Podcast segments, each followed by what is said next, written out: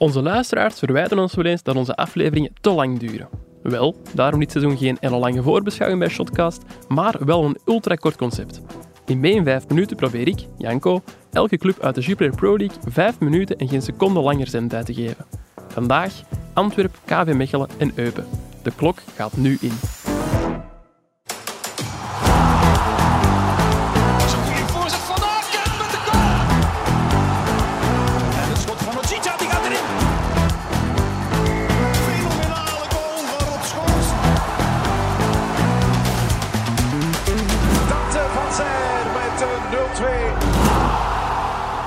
Beginnen, dat doen we vandaag op de Bosuil.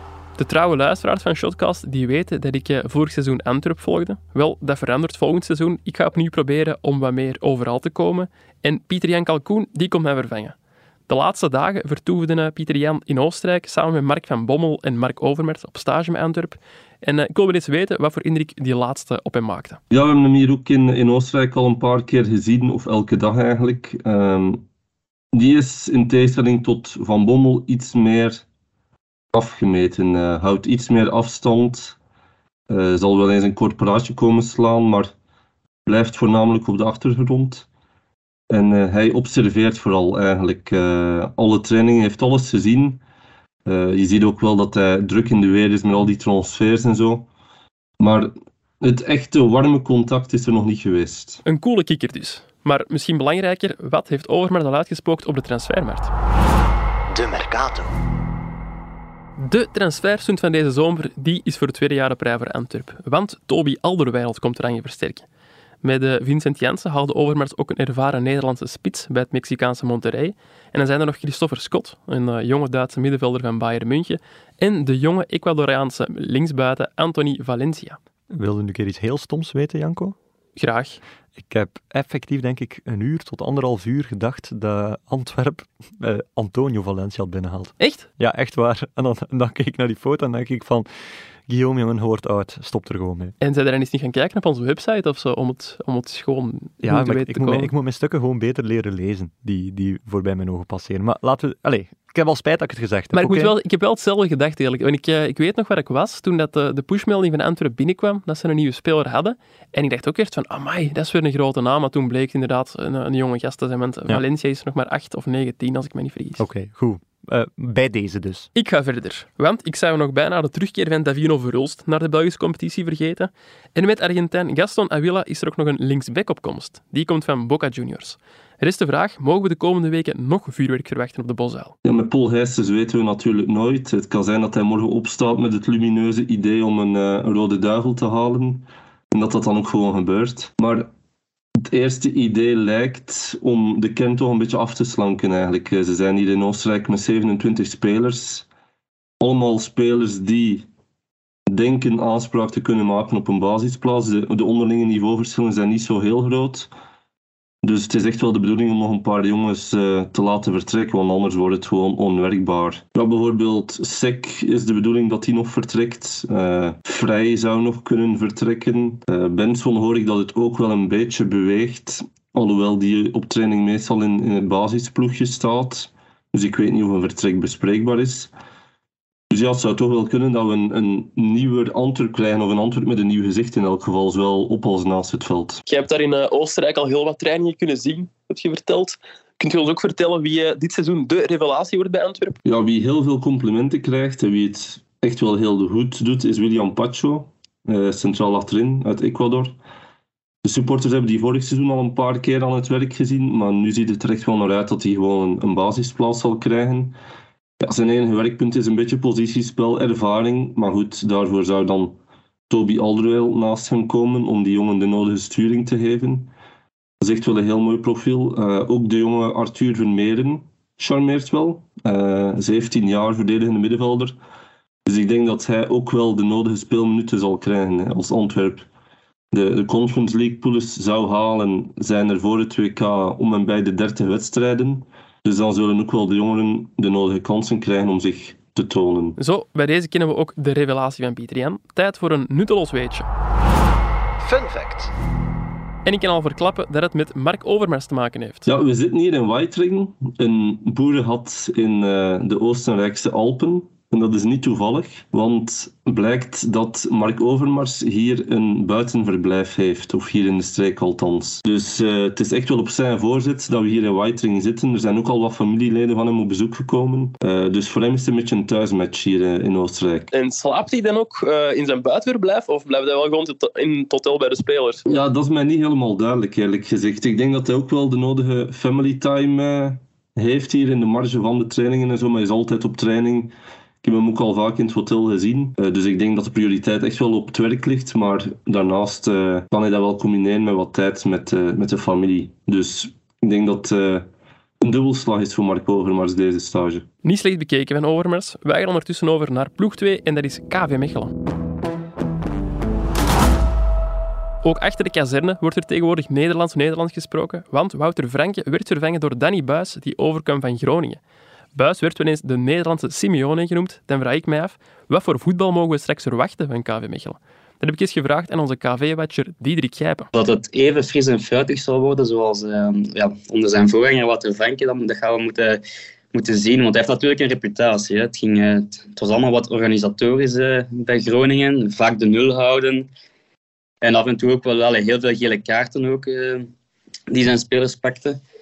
Um, wat hij ook wel al heeft aangegeven op een van zijn eerste trainingen, dat, hij, dat toen, toen riep hij naar zijn spelers, jullie zijn te lief voor elkaar. Het mag allemaal wat brutaler zijn en, en als iets niet goed is, dan, dan moet je ze de ploegmaat aan de oren trekken. En, uh, dat viel me wel op op een van zijn eerste, eerste trainingen. Um, wat hij ook zeker gaat meenemen van, van Groningen, is, is dat, hij, dat hij jongeren wil laten doorbreken ook in functie van, van ja, om, om die gasten te laten, te laten renderen. Hè. Hij is bijvoorbeeld bij Groningen binnengekomen, toen, toen stond de club op, op min 10 miljoen euro en hij is vertrokken vier jaar later met uh, plus 40 miljoen, dankzij, dankzij transferinkomsten. En dat is een beetje wat hij ook bij Mechelen wil creëren. Hè. Dat, uh, ja, omdat Mechelen is, dat, iedereen weet dat, weet dat wel, uh, ja, botst een beetje op zijn budgettaire limieten. En ja, als, als je dan de club dankzij die, die, die verkoop van de jongeren in een sterkere financiële positie kan krijgen, ja, dan, uh, dan plukt de club daar ook de vruchten van. Dus dat is wel iets dat hij ook wel bij, bij Mechelen wil integreren. Dat brengt ons naadloos bij de transfermarkt.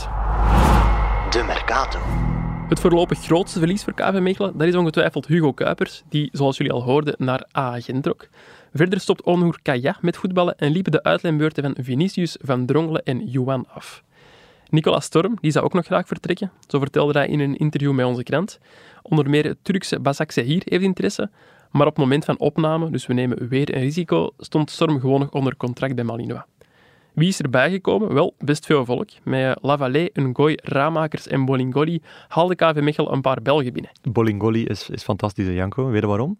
Uh, ik heb een vermoeden. Ik zeg dat er heel veel uh, reacties kwamen op zijn, uh, zijn aankondiging bij ah, KV Mechelen. Ik, ik, raad de luisteraars aan om na deze aflevering gewoon een keer de aankondigingsvisual op Twitter of Insta van KV Mechelen omtrent Bolingoli te gaan opzoeken en de comments te lezen. En dan zelf eh, even kijken wat dat er allemaal gaande is. Ja, ik heb ook goed gelachen. Um, verder kwam Jonas Malede in de plaats van Hugo Kuipers over van Gent. En dan zijn er nog Alessio da Cruz, dat is een Kaapverdische middenvelder die van Parma komt. En Jorge Hernandez, een Amerikaanse middenvelder van het Oekraïense Chornomorets Odessa. Een uh, mondje vol. Tijd voor de revelatie van Diedrik. Jonas Malede, de, de spits die overkwam van, van, uh, van AA Gent, een Israëliër, die maakt wel een uh, goede indruk. Scoten ook in de eerste oefenwedstrijd op het veld van Kortrijk. Dus daar verwacht ik wel iets van. Het was ook een doelpunt waarin dat je direct merkte van oké, wat heeft hij in zijn mars? Hij creëerde volledig zelf die actie en uh, scoorde ook van op afstand. Maar het meeste hoop ik, daar hoop ik dan eigenlijk wel op, verwacht ik van, van Hernandez. Die, dat is een, een Amerikaan met Mexicaanse roots. Een spelmaker die ze hebben binnengehaald. Um, die is overgekomen uit, allee, van het Oekraïense Odessa. Is daar eigenlijk moeten vluchten toen dat de oorlog, zoals iedereen weet, uitbrak in het voorjaar. En heeft dan een tweejarig contract getekend bij Mechelen. En dat is zo'n typische kleine spelmaker snelle voetjes, veel techniek, vista. En ook een linkspoot. En ik zie een linkspoot altijd wel graag eh, aan het werk. Dus ik denk ook wel dat dat wel een verhouding is. Allee, dat, dat brengt een beetje kleur ook in, uh, in de Super Pro League. Ik weet bij deze dus ook dat je gewoon Odessa mocht zeggen. En ik weet ook dat linkspotige kleur brengen aan onze competitie. En dan moet ons nutteloos weetje nog komen. Fun fact. Jonas Malede, die kwam hier daarnet al ter sprake. Wel, die kan na clubicoon Eli Ohana de eerste Israëliër worden die scoort voor KV Mechelen. Tussendoor speelde er nog één andere Israëliër voor Malinois. Geen idee wie, Guillaume? Goh, hoe zijn dat nu weer? Ehm, ik, had, ik had moeite genoeg om al uw uis en al uw gekrakeel daartussen eh, vandaan te halen. Dus je geeft eigen gewoon tijd om na te denken, daarbij Ja, zo wat ja. steken te geven. Dat is wel Oh. heel zielig, hè? Ik, ik denk aan mensen als een vermoed Istaki. Ik vermoed, van- ik vermoed dat dat fout is. Oh, ja, maar dat is allemaal dat is zo Lokeren, dat is zo Gent, dat is zo Genk.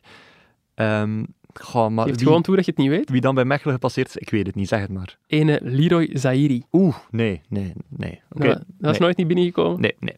Ga maar verder. Voilà, weer al een overwinning voor mij. Tijd om over te gaan naar onze laatste ploeg en dat is Eupen. Eupen is deze zomer weer wat Duitser geworden, want de nieuwe trainer die heet Bernd Stork. De eigenaars die zijn wel nog altijd Qatarees. En wat ik dan wel wil weten is, ja, vragen zich daar in de Oostkant ons nu af of die Qataris straks na het WK de geldkraan volledig gaan dichtdraaien. Eupenwatcher Thomas Standaard, die we nog kennen van bij Standaard, die geeft het antwoord. Nee, want de club heeft onlangs garanties gekregen dat ze ook blijven na het WK. En ehm, als we een beetje naar de geschiedenis kijken, Eupen is dit jaar tien jaar in handen van Aspire. En ik denk dat er geen enkele andere eerste klasser is in buitenlandse handen die al zo lang werkt onder dezelfde eigenaar. Het is ook een zevende opeenvolgende seizoen in eerste klasse. Sportief zijn er weinig uitschieters daarin in die periode, maar het is best wel een stabiel parcours dat ze rijden. Ehm, nu, ik zei al van, ze hebben onlangs garanties gekregen dat Aspire ook actief blijft in Eupen na het WK. Het vroegere Aspire Dreams project, waar jonge Afrikaanse spelers zoals Onyekuru en uh, Okensi via Eupen in het Europese voetbal werden gelanceerd, dat is opgegeven. Maar Aspire ziet Eupen nog altijd als een springplank of een opleidingsschool voor jonge Qatarese spelers, waar deze zomer nog één of twee van worden verwacht. Um, nu, in het verleden is dat nooit echt een groot succes geweest, behalve misschien bij Akram Afif. Dus het valt nog een beetje af te wachten hoe lang, uh, hoe lang het zal duren voordat er echt een, een, een Qatarese ster uh, zich een beetje ontpopt in Eupen. Mooi. En zien of uh, Eupen deze zomer ook al een paar sterren heeft binnengehaald. De Mercato. Er is ongeveer een volledige kern vertrokken in de Oostkantons. 18 spelers om precies te zijn. Ik ga die niet allemaal overlopen, wel de bekendste namen. Dat zijn Akbadou, Kools, Ngoy, Poulain en Amat. Allemaal weg. Eén speler die komt wel vrij snel terug en dat is jeugdproduct Marciano Aziz. Die wordt voor drie maanden verhuurd aan het uh, IJslandse Aftoerelding. Dus een beetje ja, een soort Erasmus of zo. Eupen haalde in de plaats wel acht nieuwkomers, ongeveer allemaal onbekende namen. Ik ga Thomas er wel één revelatie laten uitpikken. Um, voorlopig zeg ik Isaac Christie Davis. Ze hebben voorlopig nog maar één oefenwedstrijd gespeeld, maar ik laat me ook vertellen dat hij op training een heel goede indruk maakt. Dat is een aanvallende middenvelder, die is opgeleid bij Chelsea en Liverpool. En hij was ook jeugdinternational voor Engeland en daarna belofte international bij Wales. Hij heeft al samengewerkt met Stork bij Cercle Brugge en in Slowakije. Um, dus Stork kent zijn kwaliteiten heel goed en hij zal hem ook niet voor niets uh, naar Eupen hebben gehaald. Die uh, Christy Davis zal dan wel iets beter moeten doen dan in zijn vorige periodes onder Stork, want bij Cercle speelde hij nooit en bij DAC kwam hij in teammatchen niet tot scoren. Is trouwens niet de enige speler die Stork nog kent, want ook de Duitse keeper Lennart Moser werd gehaald. Uh, die werkte dan eens met Stork bij Cercle Brugge en Jentel van Genechte, een jonge Belgische rechtsback, die kent Stork dan weer van bij Genk. Om maar te zeggen dat de nieuwe coach wel wat uh, inspraak krijgt bij Eupen. Bon, we zijn bijna rond, maar eerst nog het allerbelangrijkste. Fun fact. De trouwe luisteraars van Shotcast die weten dat Guillaume nogal uh, een band heeft met Eupen. Maar, niet weer, gast.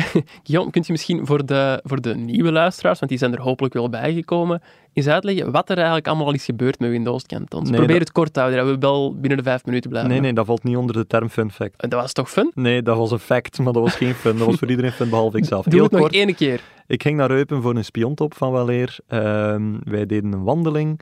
Uh, tijdens die wandeling, want uh, mijn vrouw was mee, Wendy was mee. Wacht jij die altijd mee naar het werk? Uh, nee, het was geen werk, het was een spiontop, dat is ontspanning. Ah, okay. en tijdens die wandeling werd het heel warm, we deden ons vesten uit, de sleutel van de wagen viel uit de vest. en bij aankomst aan de wagen ja, bleek dat dat, ja, merkten we dat. En de auto moest getakeld worden en terug naar Gent gevoerd werden. En met veel vijven en zessen, of na veel vijven en zessen, ben ik uiteindelijk toch nog op die match geraakt, vijf minuten voor tijd. Uh, maar dan uh, zonder eigen auto. Dus uh, naar Eupen geweest en mijn sleutels verloren. En daar achteraf nog 200 euro voor een nieuwe sleutel voor mogen betalen. Dus zoals ik zei, veel fact, weinig fun. zeg, ooit nog teruggegaan naar Eupen daarna? Zeker, met veel plezier en met veel sleutels. Prachtig, dan kunnen wij over naar onze afsluiter. Zo, we zijn weer helemaal mee. Vanaf morgen kunt u luisteren naar onze vooruitblik op het seizoen van Club Brugge, Sint-Truiden en Westerlo. Tot morgen.